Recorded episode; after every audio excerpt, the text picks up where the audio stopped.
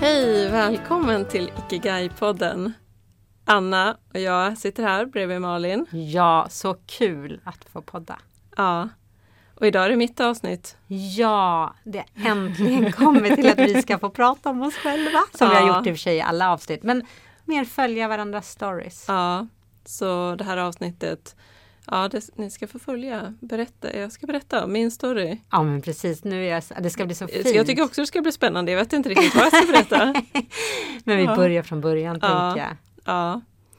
Eh, nej men jag är ju uppvuxen, eh, min mamma och pappa separerade när jag var tre år. Och sen har jag vuxit upp med min mamma. Eh, så det har ju varit liksom jag och mamma. Det har Ja. varit ett starkt team. Mm. Eh, och ja, jag var väl ganska blyg som barn. Eh, ganska försiktig fick jag höra. Eh, tystlåten. Eh, ja, jag gjorde nog inte så mycket väsen av mig.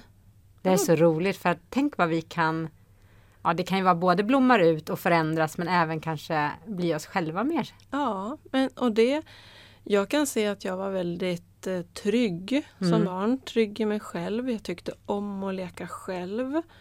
Eh, jag tyckte om att vara med kompisar också. Men ibland bara fick jag nog. Kan jag säga åt dem, nu får ni gå hem. jag tycker det där känns lite som min dotter som är enda barn. Att ni är så himla duktiga på att lyssna in vad ni behöver. Ja, Det är min Ja. känsla. ja. Nej, så jag, jag var ganska tydlig med sånt liksom. Nej, nu vill jag vara med kompisar, nej, nu vill jag vara själv. Ja. Och jag var ganska mycket själv. Eh, Jag lekte mycket, eller egentligen vet jag inte om jag lekte. Jag tog isär mina leksaker och satte ihop dem igen. Du var en liten var en ingenjör le- redan ja, då. jag var en ingenjör. Ja. Jag lekte med bilar. Jag lekte mycket med teknikgrejer. Eh, det kan jag se. Jag, mycket skapande, mycket måla och skriva eh, och så också. Eh, sen har jag väl alltid haft ett starkt liksom, känsla för djur och intresse för djur. Sen var jag allergisk som barn. Eh, så att jag fick inte ha djur. Jag fick ha fisk, akvariefiskar. Jag bara skrattar men det Ja. kanske är jättefint. Ja. Akvariefiskar hade jag ju. De hade ju namn och allting. Sen hade jag någon sån här eremitkräfta. Och, så här, jag kunde inte ha pälsdjur. Och min dröm var ju liksom djur. Men någon, ja, sen hade jag ju kanin också och jag har ju haft eh, eh, hamster och ja, alla, inte marsvin, för det fick jag inte ha. Det är allergiframkallande. Mhm. Så min pappa, min pappa har haft djuraffär. Så jag är väldigt liksom präglad i det och varit mycket i min pappas djuraffär på helgerna och sånt och hjälpt till med både så här, äh, ja men, ja, ja vad gjorde jag? Packade frön i påsar och vägde och satte klisterlappar och ja, så även klippte klor på djuren och matade dem och sånt.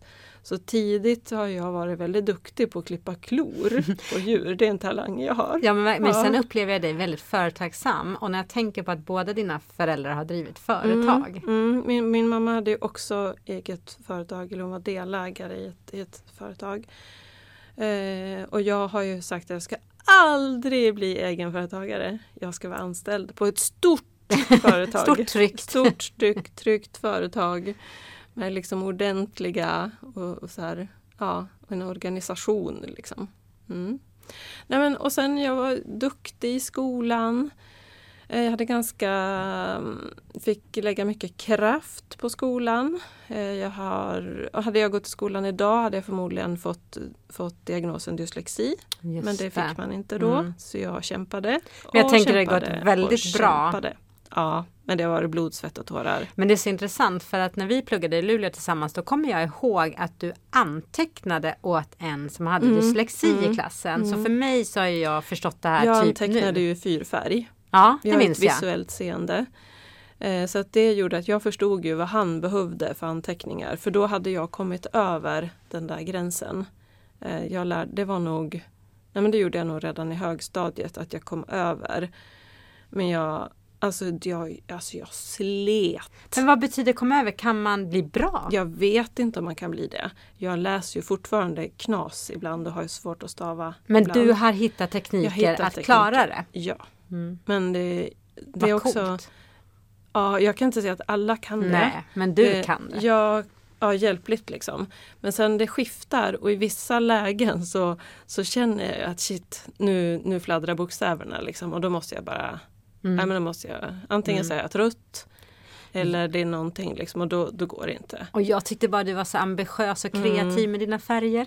Ja, nej men det var ju för att jag skulle få in det Ja. och sen, ehm, ja, nej men det har varit ett sätt att läsa en text för mig, det, det hjälper liksom inte, jag får inte in saker i huvudet då utan jag måste sitta och skriva och göra Mm. det visuellt och rita och måla Mm. och då sitter det liksom. Ja. Så jag, jag har hittat min studieteknik och Mm. det var väl tur att jag gjorde det. ja, det är jättefint. Ja, nej men så skolåren var rätt så kämpiga för mig.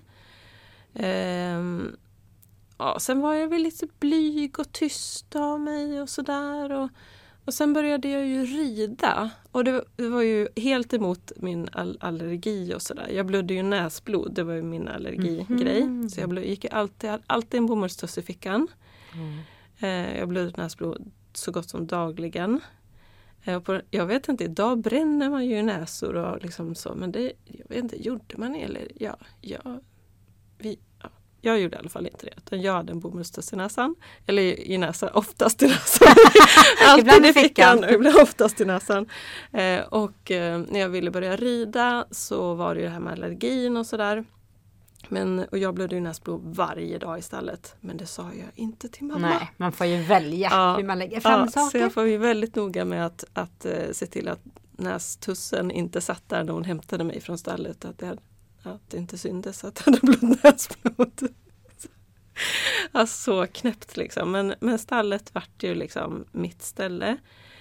Eh, både vad det gällde kompisar och liksom samhörighet och men det är ju en fantastisk liksom, uppfostringsställe och det här att ta hand om hästar och hittade snabbt min favorithäst. men du det är ju det underbart. Ja. Alltså jag tänker, Mm. dels är det ju det här med ledarskapet där, men det är ju Mm. så mycket närhet och kärlek. Precis. Och jag var aldrig duktig på att rida. Okej. Mm. Ehm, jag hade liksom ingen talang för att, att, ridningen.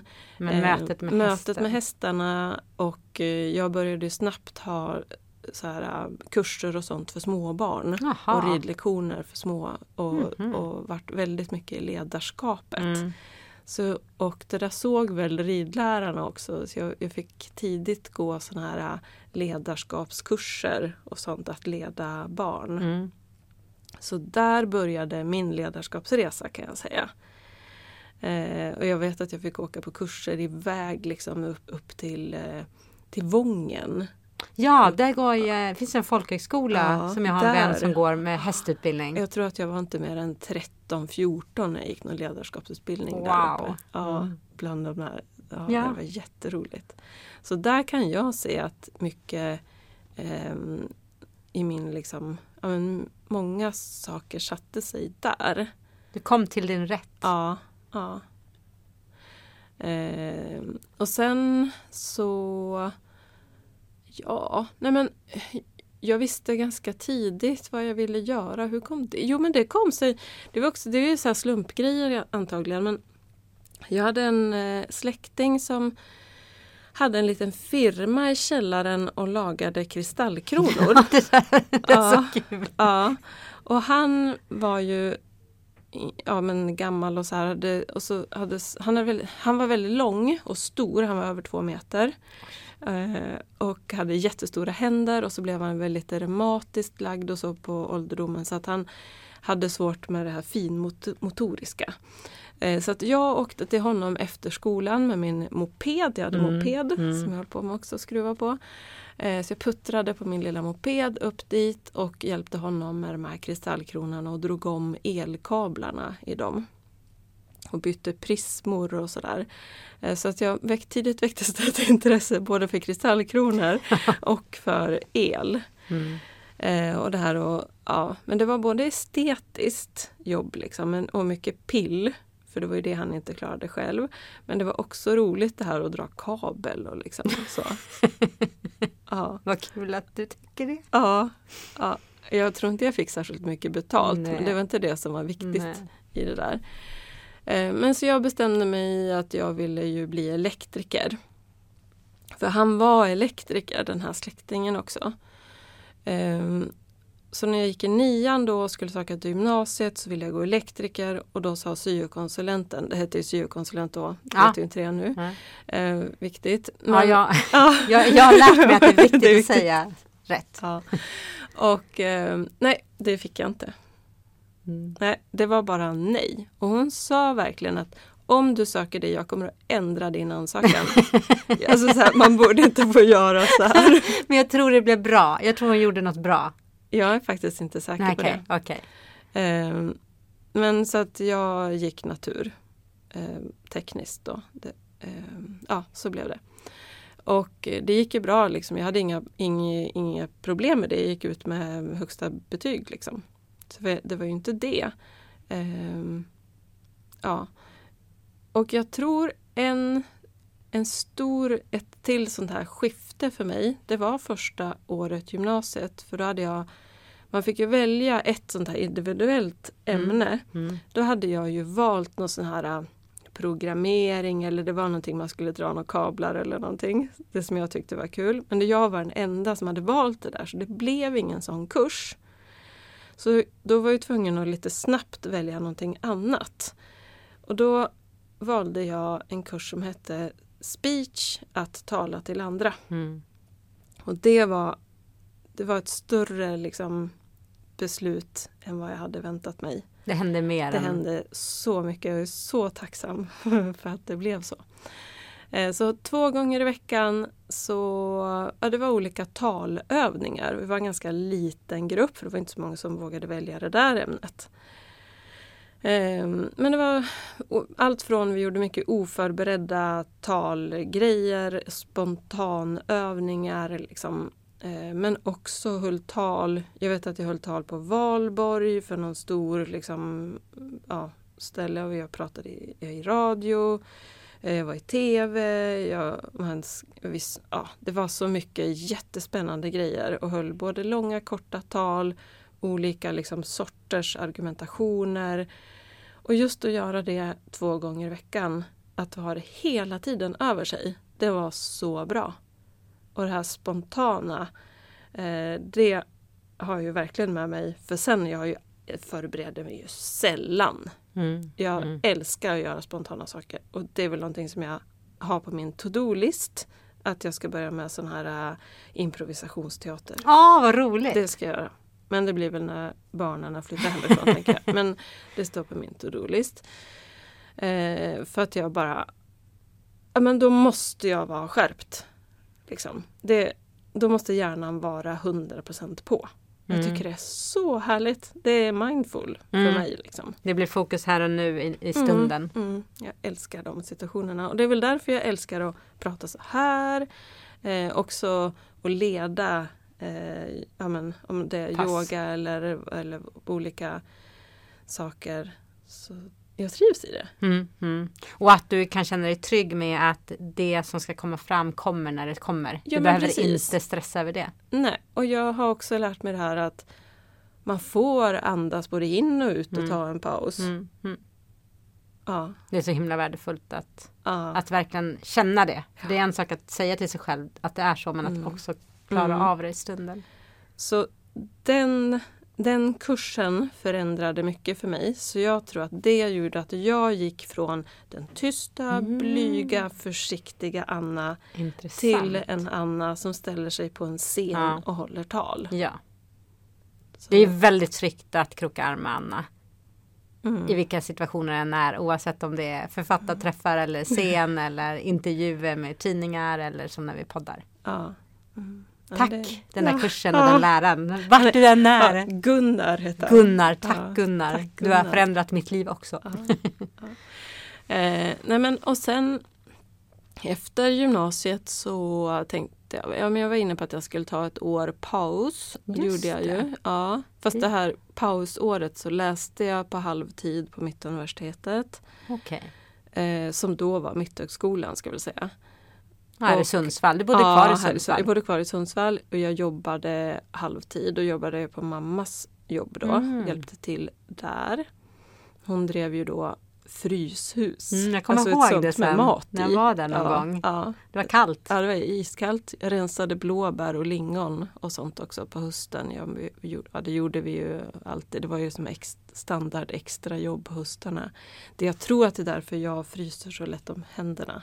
Fortfarande. Att jag har förfrusit fingrarna Mm. och rensar frysta bär. Det är bättre när man rensar de färska bären på hösten men det är ganska kort tid. Mm. Sen rensar man ju frysta bär. Ja, kan berätta mycket om att rensa bär.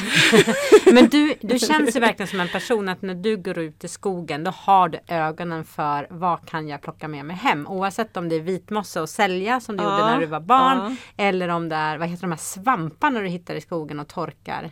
Ja, Eller Eh. blåbär och bär. ja, igår fick ju du kantarell, Ja. kantareller i grytan. Nej, men jag älskar ju att plocka saker i Ja, skogen. verkligen. Ja, och så jag har ju eget te som jag plockar olika sorters örter och Mm. bär för olika, ja, men olika krämpor och tillstånd Mm. eller må, må gott te liksom. Sånt, nej, det, det, ja, men det har jag nog bara med mig. Ja men det känns som två bitar. En del att du vill skapa det där som du mår bra av. Alltså Mm. det där hallonbladen som du torkar och har i teet som blir en bra blandning med andra Mm. eh, bitar. Men sen också känns det som den här samlaren att Mm. vad har vi som vi kan Men det är lite så vad, vad naturen har Ja, att bjuda på. Precis. Eh, och jag tycker det är så rikt liksom, att bara gå ut. Jag går ju bara upp i skogen här 30 meter från huset. Mm. Eh, på våren går jag och plockar min nässelsoppa Mm. liksom, Mm. här uppe. Mm. Och det, det gör mig så här Lycklig. lycklig. Mm. Ja, enkla saker. Nej, det tycker jag är roligt. Mm. Men och sen så vart det ju Luleå. Och jag var, hade jag bestämt mig för tidigt. Så någonstans under gymnasiet så släppte jag väl det där med att Ja, bli elektriker. Och tänkte att ja, men jag ska väl bli elingenjör. Och jag var ju inne på att gå treårig ingenjör. Ehm, för jag trodde någonstans inte att jag skulle klara en civilingenjörsutbildning. För som jag har jobbigt med att läsa. Ehm, men Ja, sen, men det var nog det där, halv, eller det där året på Mittuniversitetet. För då läste jag kurser med de som gick kanske andra, tredje året olika så programmeringskurser. Jag kommer ihåg att jag läste någon så här mikrodatorteknik eller så här märkligt. Och de andra som läste hade läst, ja men de kanske gick i tvåan eller trean på den linje de läste.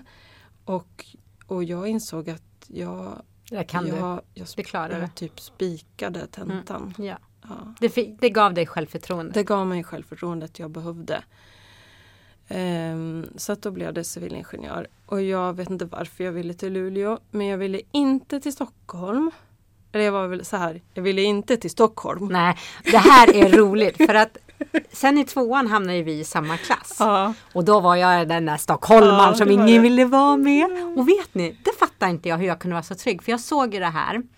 Eh, för det var till. Ja. det hände saker som gjorde att eh, jag insåg. Och jag var så här cool, jag bara de kommer märka att de kommer tycka om mig. Så jag gick och väntade bara. Alltså det, jag fattar Ja. inte hur jag kan ha det där ibland.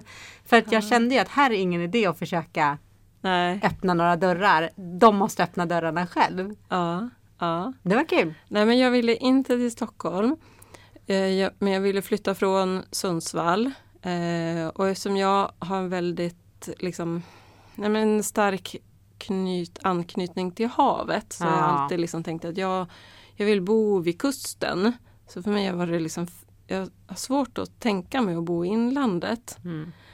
Eh, och det, är också, jag, det har vi inte pratat om så, men när jag växte upp har vi seglat väldigt mycket. Och jag med. Hela, Mm. ja. Mm. Men så Luleå blev det. Ja, och ehm, nej men det blev väl superbra liksom, några år där. Och det gick ju rätt smidigt också, det mesta. Och ja, men och det var ju inte så svårt liksom. Nej, alltså jag tror både du och jag hade väldigt kul de här åren. Vi hade, ja, jag hade jätteroligt. Och, och så en sak jag tog upp under Luleååren var ju dansen. För jag hade dansat mycket när jag var barn. Eh, och fram till kanske mellanstadiet och då slutade jag dansa. Så jag tog liksom upp dansen igen i Luleå. Och i vårt innebandylag så Ja, hade vi så fyra Anna. Ja. Så du var ju Anna Snurr. Just det. Ja. Mm. Ja, för Luleå det var ju både dans och innebandy och så började jag ju springa också. Ja. Det var väl egentligen då när jag blev skadad på innebandyn, då började jag springa. Ja, det här är en sån typisk Anna-grej. Hon blir skadad, går på rehab, ska åka till Berlin och plugga ett år. Mm. Och då kollar hon upp, ja men det perfekt, då går ju Berlin maraton. Ja, det gick några då var dagar ju det en rolig rehabträning. Ja, Alltså det är så här typisk Anna-grej i min värld. ja nej, men lite så. För jag sprang något halvmaraton typ på vårkanten. Eh, undrar om jag Ja men efter det tänkte jag, men vadå, det här var ju ingenting. Att springa dubbla sträckan, det klarar jag ju. Jag har ju flera månader på mig. Och du gjorde ja, det ju. Ja, ja, ja. Du och någon farbror jag som hjälptes åt ja, där jag längs träffade ju banan. någon farbror längs banan. Det var, det var bra. Ehm, nej men så ett år i Berlin. Och det var också väldigt roligt. Liksom. Det var ett roligt år. Och då kopplade jag av en hel del. Alltså jag släppte mycket prestation. Vilket tror jag var, det var såklart bra. Men där var det ju men vissa kurser var ju skitsvåra. Mm. Liksom. Mm. Ja, det var bara att konstatera. Och det var någon föreläsare som kom från någon by i södra Tyskland. Man förstod, man Nej. förstod ingenting. Och de som pratade den där värsta Ossi-dialekten, liksom, det fattar man inte heller. Nej. Eh, Medan var det föreläsare som pratade liksom Schuldeutsch, Mm. ja men då fattar man ju. Mm. Eh, så jag kom väl till Tyskland i september och jag kan tänka ungefär vid påsk, så liksom tre, ja, tre kvarts år eller vad man ska säga.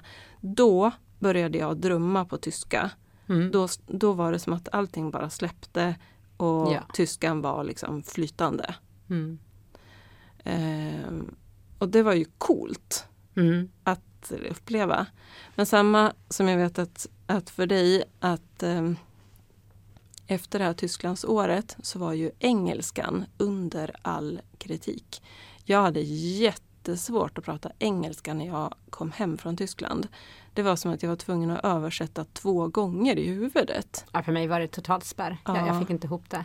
Nej, för språk har varit jobbigt för mig. Eh, tyska var lättare än engelska.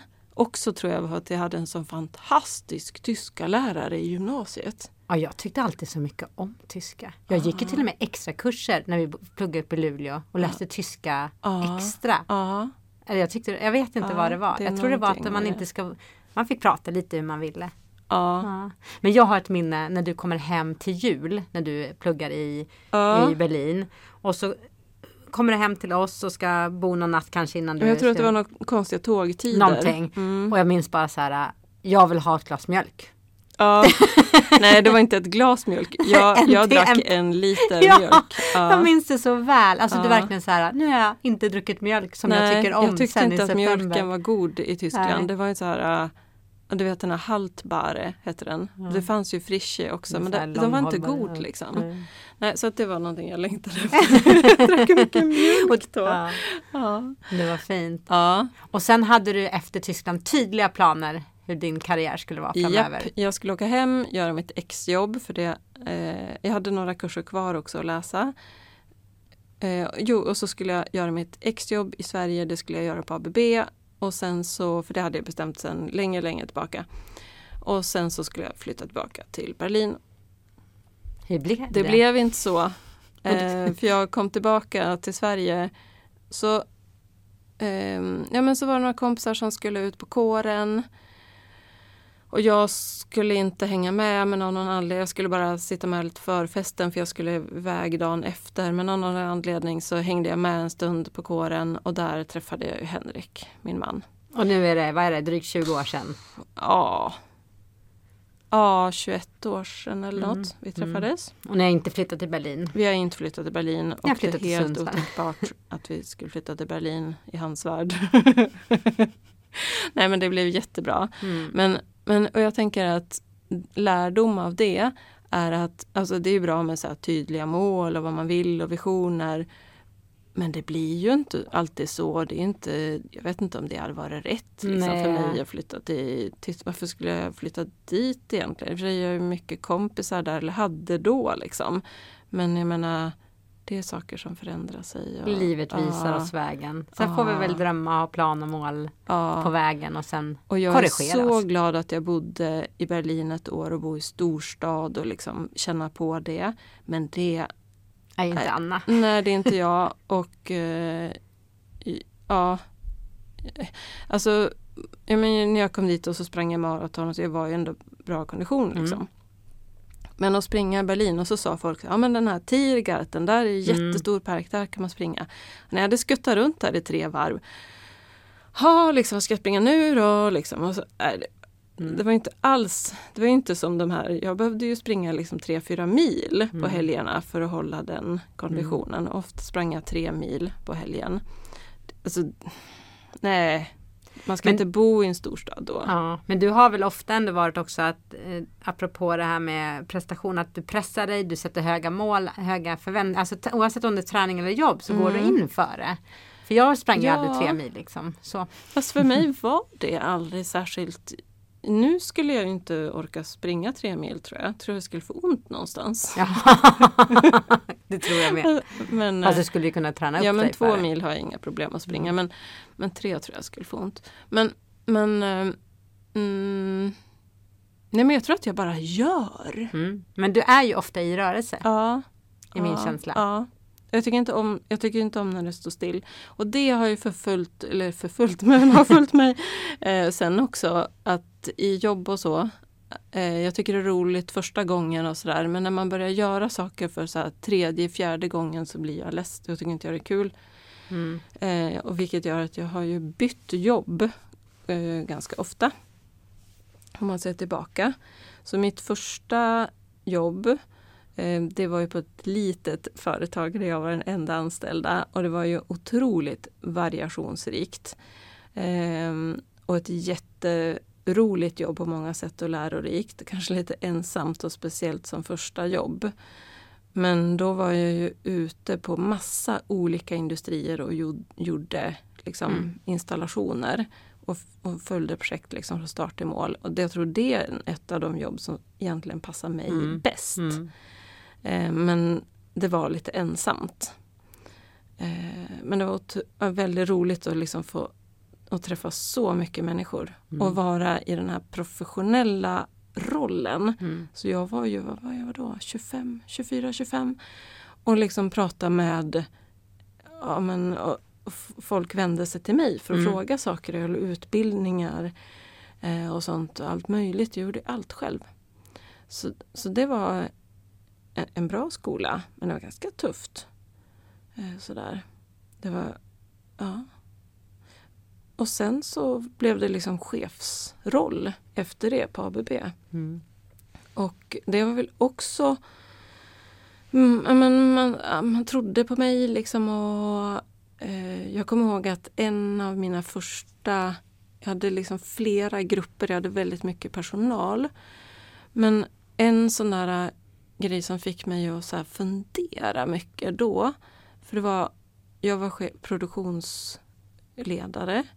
Det var mycket personal och det var mycket så här montage och maskinjobb och sånt som i de här grupperna. Och jag såg ju de här som satt och monterade och sådär och gjorde liksom samma sak hela dagarna. Så här, ta den här saken och den här skruven, skruva ihop, lägga i den lådan.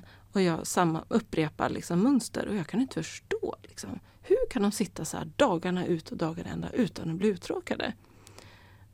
Ehm, men när jag började fråga, vågade fråga och liksom upp, ja, fick människor att öppna upp så kunde jag ju förstå liksom att nej men, det här är ju bara ett jobb som de gör. De hade ju världens rikaste liv Mm. i huvudet. Mm.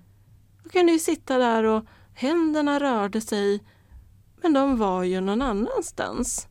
Det där hade jag ju Meditativt. aldrig tänkt på. Man, så kunde man också göra. Mm. Så det var coolt. Ja, men det var lärdom. Mm. Att man kan faktiskt göra olika val och, och vara liksom, vara, jag var, och vara nöjd Mm. i det. Mm. Ehm, ja. ja, men det var häftigt. Sen så... Ja, men... Vi flyttade ju till Sundsvall då var, ju Felix, det var ju när Felix, eh, efter Andra Felix barnet. Ja, andra barnet. Så, och det var ju mycket så här, um, nej men, kontakten till föräldrarna Mm. tillbaka och det här med att ha barnvakt. Vi hade ju Mm. aldrig det. Våra barn var alltid med överallt vilket har gjort att de har varit väldigt trygga, kunnat somna vart som helst och hur som helst. Eh, men man började ändå liksom, gud vad skönt med barnvakt ibland. Och tänk att ha en mamma som kan hämta barnen på dagis en gång i veckan. Liksom. Eh, så det var en stor anledning till att vi flyttade hem igen. För Nyköping var fantastiskt fint att bo i. Men Sundsvall blev ju också jättebra. Och Eh, jag fick ett jobb, ett bra jobb i Sundsvall. Och så småningom min man också. Ehm, och eh, ja men det jobbet var väl, där var ju också en sak som jag kan se som förändrade mig. Eh, Som var liksom en stor sån här eh, tankeväckare. Det var en väldigt speciell organisation, tufft klimat, jag hade en amerikansk chef. Det var, det var väldigt hårt och ehm, mm, ja, men det var ett tillfälle då jag fick liksom order, Mm. verkligen, Mm. att säga upp två personer. Och jag tyckte inte det var på saklig grund. Eh, och det kändes inte rätt i mig. Och, det gick liksom inte att diskutera utan det var så här med hot nästan. Mm. Kan jag se så Mm. här i efterhand. Då fattade jag det inte. Att jag, fullföljer jag inte den här orden så blir jag själv av med jobbet. Mm. Eh, Så jag sa upp den ena av de här. Och, och det vart liksom, men shit, vad har jag gjort? Mm. Jag, inte att jag, alltså just det här att jag gick emot mina egna värderingar. Eh, Så att den ena av dem sa jag överhuvudtaget inte upp. För att där liksom, det hade, när, när, när jag, då hade jag nog brutit ihop alltså, det gick Mm. inte. Mm. Eh, Och den andra, det har suttit som ett stygn länge. Nu vet jag att det har gått bra för den killen och så Mm. efterhand. Men det var inte på, jag upplevde inte att det var sakligt. Nej. Det, eh, och framförallt att jag gjorde något som jag inte stod för.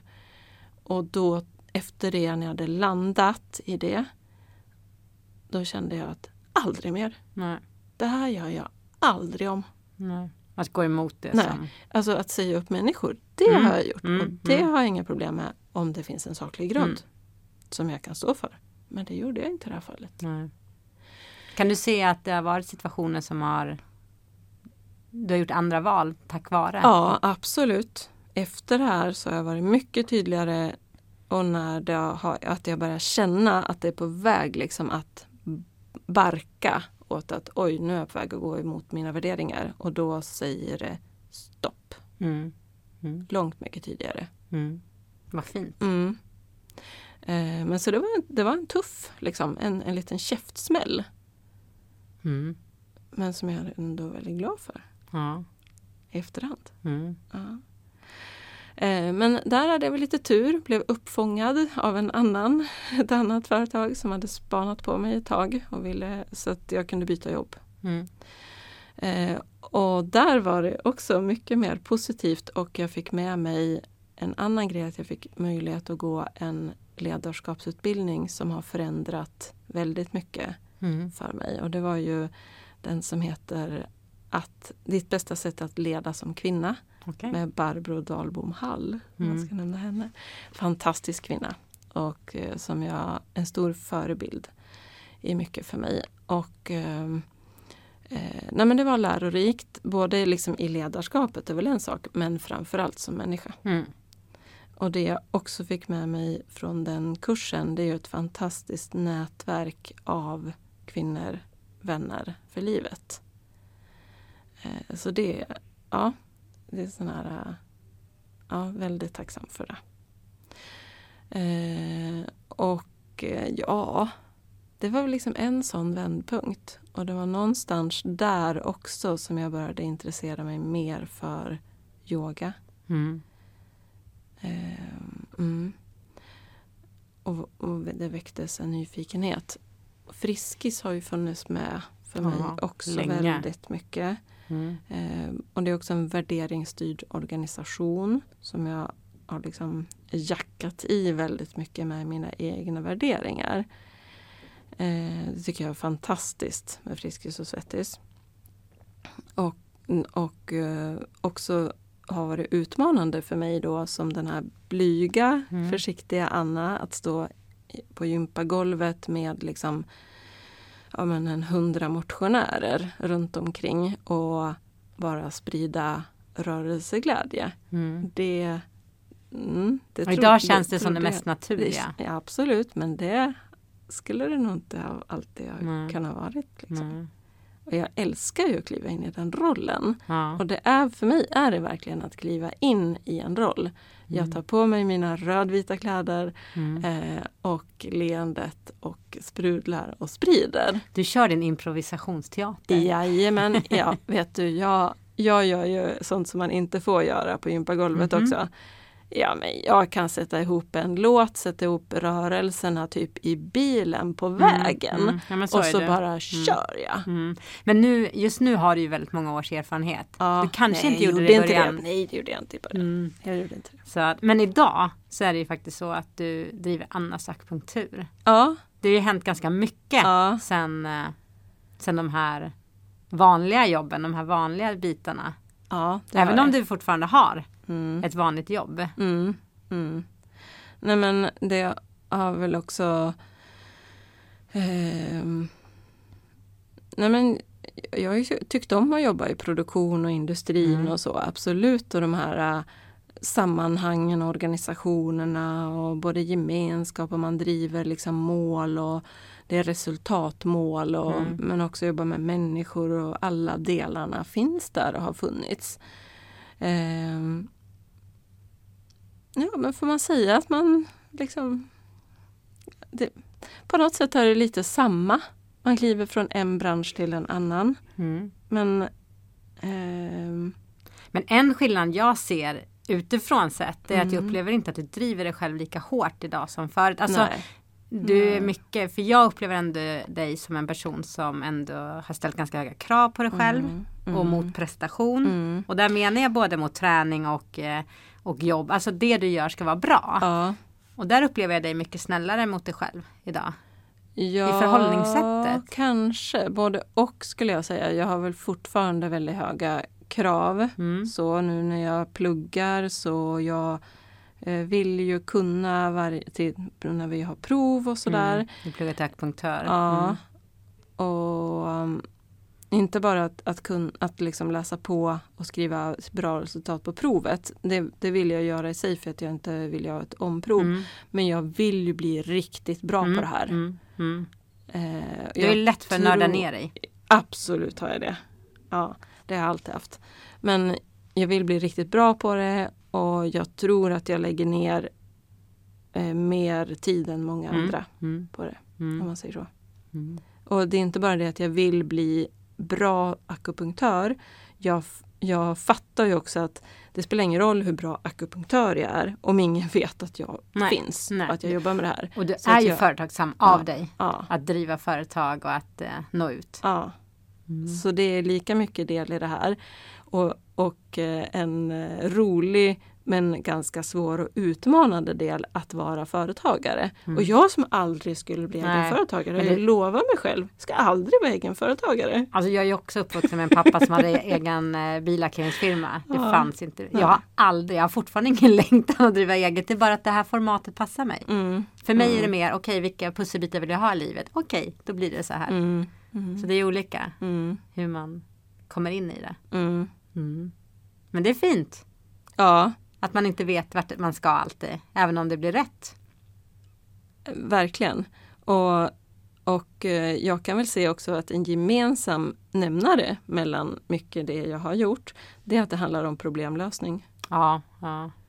Så från att jag satt och tog isär mina leksaker när jag var liten Mm. och skruvade isär alla saker och skruvade ihop dem igen. eh, Så Det är samma sak när du ger mig Ja, behandling. nej, det är ju liksom ett detektivarbete. Precis. Och sen vilket verktyg ska jag plocka fram? ja, Mm. Så häftigt. Mm.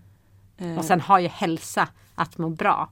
varit en, gemen, en röd tråd i ditt liv. Precis, alltid. Att må bra men också att få an, att liksom Mm. stötta andra i att må bra och växa som Mm. människor. Så att det finns små röda trådar Och sen var. tycker jag det är så coolt för jag tycker det hänger ihop jättemycket med Ikigai Yoga det vi startade 2019. För att det handlar ju om att hur kan jag vara sann och ärlig mot mig själv? Hur kan jag vara mitt bästa jag? Mm. Och akupunktur når ju liksom absolut fysiskt. Okej, jag har ont här. Men jag är helt säker på att det också öppnar upp ja, andra du, blockeringar. Dina tankar, eh, hur du förhåller dig till saker och ting, det påverkar även din hälsa. Ja, Eh, och det är det som är så fint i akupunkturen och att vi där tänker hela människan och då tänker jag, det är inte bara den fysiska kroppen. verkligen inte. Utan det är lika mycket det psykiska och ja, man pratar till och med om det förhimmelska Mm. eh, som präglar en. Och ja, men det är så, så många delar. Så ja, Ja, jag tänker att det är så här, det är sinne, kropp och själ. Vi är allt liksom. ja, Och ibland så sätter sig saker fysiskt fast det är ett trauma, det kan Mm. vara en upplevelse, det kan vara en tanke, det kan vara en känsla.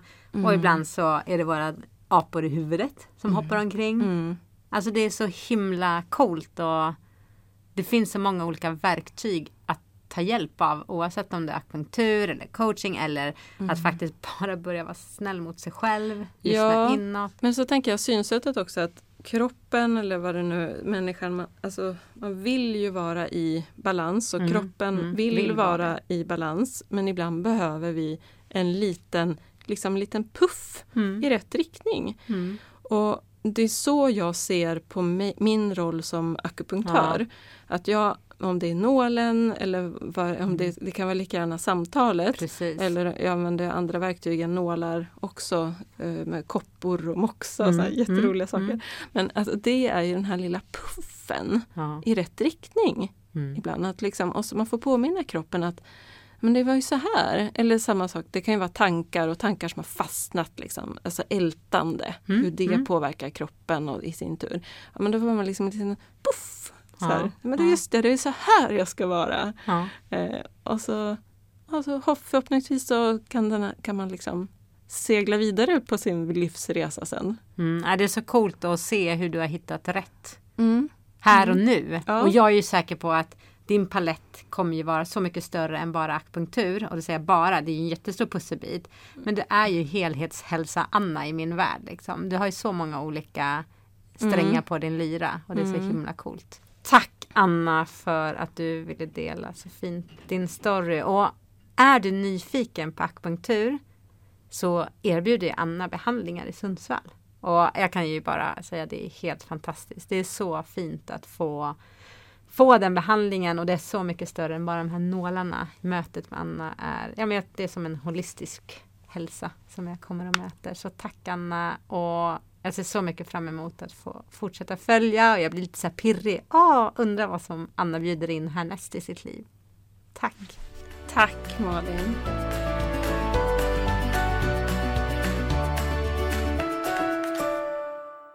Ikigai-podden presenteras av oss, Malin och Anna på Ikigai Yoga. För dig som vill finna och leva din ikigai.